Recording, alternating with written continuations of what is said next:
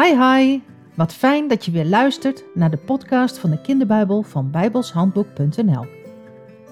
De vorige keer stopten we bij Jacob en Esau.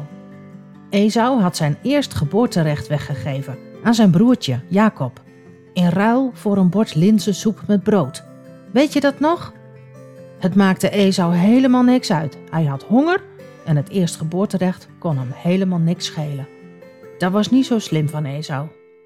Maar Jacob was wel erg ongeduldig hoor. God had het toch beloofd dat hij het eerstgeboorterecht zou krijgen? Waarom kon hij dan niet gewoon wachten tot God het hem zelf zou geven? Toen Isaac, de vader van Jacob en Esau, oud was geworden, werd hij blind. En op een dag riep hij zijn oudste zoon, Esau dus, bij zich en hij zei: Luister, mijn zoon, ik ben oud en ik weet niet hoe lang ik nog zal leven. En voordat ik sterf, wil ik jou, als oudste zoon, de zegen van God geven. Maar pak eerst je pijl en boog en ga het veld in. Ga op jacht, schiet voor mij een dier en maak zo'n lekkere maaltijd voor mij klaar, zoals je het zo vaak voor mij hebt gedaan. Je weet dat ik dat heerlijk vind. En als ik dat gegeten heb, zal ik jou zegenen, voordat ik doodga. Esau pakte zijn pijl en boog en ging op jacht. Rebecca had dit alles ook gehoord en zij schrok. Dat was niet zoals het moest gaan. God had tegen haar gezegd dat de jongste de belangrijkste zou worden.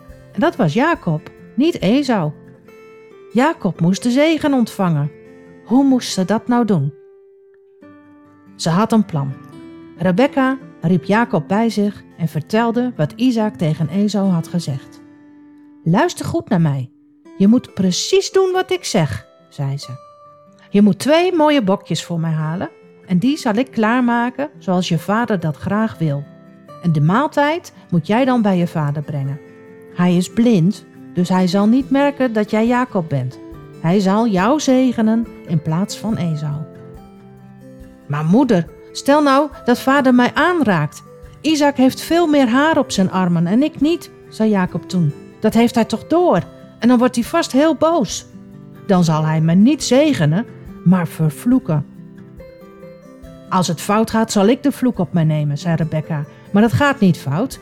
Ga nou maar snel en haal die bokjes voor mij. Jacob luisterde naar zijn moeder en haalde de bokjes. Rebecca maakte ze klaar, precies zoals Isaac het lekker vond.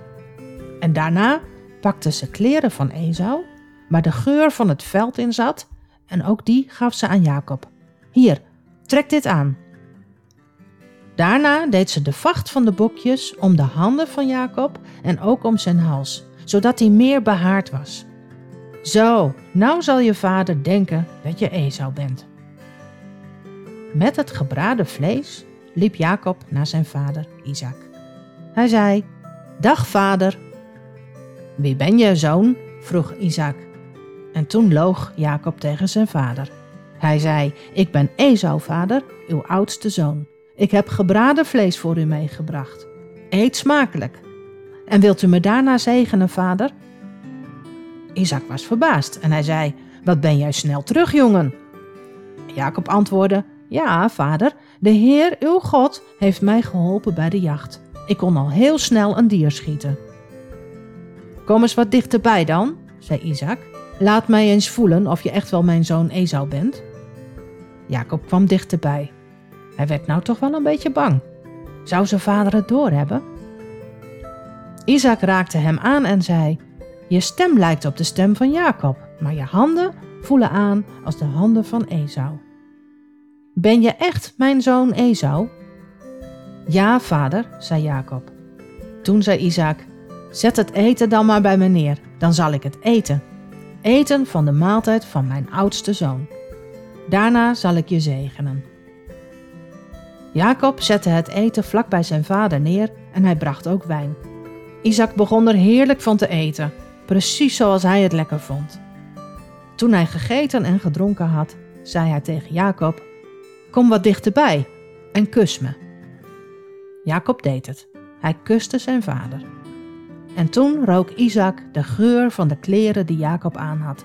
Het rook naar de geur van het veld, helemaal naar zijn zoon Esau. Isaac wist het nu wel zeker. Dit was Esau. En hij zegende zijn zoon. Maar het was natuurlijk Jacob. Hij had het niet door. Isaac zei: God zal jou goede en vruchtbare grond geven, waar genoeg regen op valt, zodat er veel planten kunnen groeien. Jouw kinderen zullen belangrijker zijn dan de kinderen van je broertje. En jij zult belangrijker zijn dan wie ook. Wie jou kwaad doet, zal de Heere God ook kwaad doen. En wie jou goed doet, zal de Heere God ook goed doen. Isaac zegende Jacob, maar dat wist hij niet. Hij dacht echt dat hij Esau had gezegend. En hoe dat verder afloopt, hoor je de volgende keer. Luister je dan ook weer? Tot dan! Hi hi!